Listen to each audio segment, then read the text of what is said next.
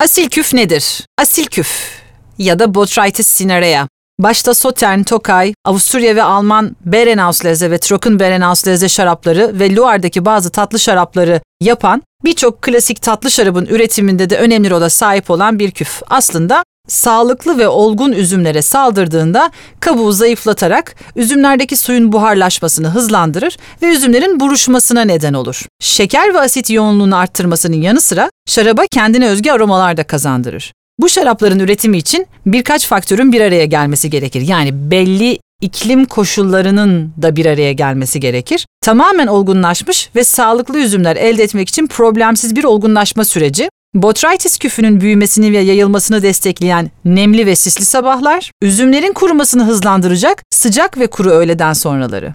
Bu koşullar çok az şarap üretim bölgesinde mevcuttur ve her yıl gerçekleşmesi de mümkün değildir. Asil küf, tüm üzümleri aynı şekilde etkilemez. Bu nedenle küflenme aşamasındaki üzümleri toplamak için bağın birçok kez kontrol edilmesi gerekir. Üzümleri elle toplamak gerektiğinden bu şarapların üretimi oldukça maliyetlidir. Riesling, Semillon ve Chenin Blanc gibi bazı üzüm türleri asil küfe daha duyarlıdır. Asil küfün özelliklerini tarif etmek zordur. En güzeli bu şaraplardan bazılarını tatmaktır. Kuru kayısı, çavdar ekmeği, tatlı bisküvi, ayva reçeli, portakal reçeli, ananas gibi kokular en sık rastlanan ve tanımlanan kokularıdır diyebiliriz.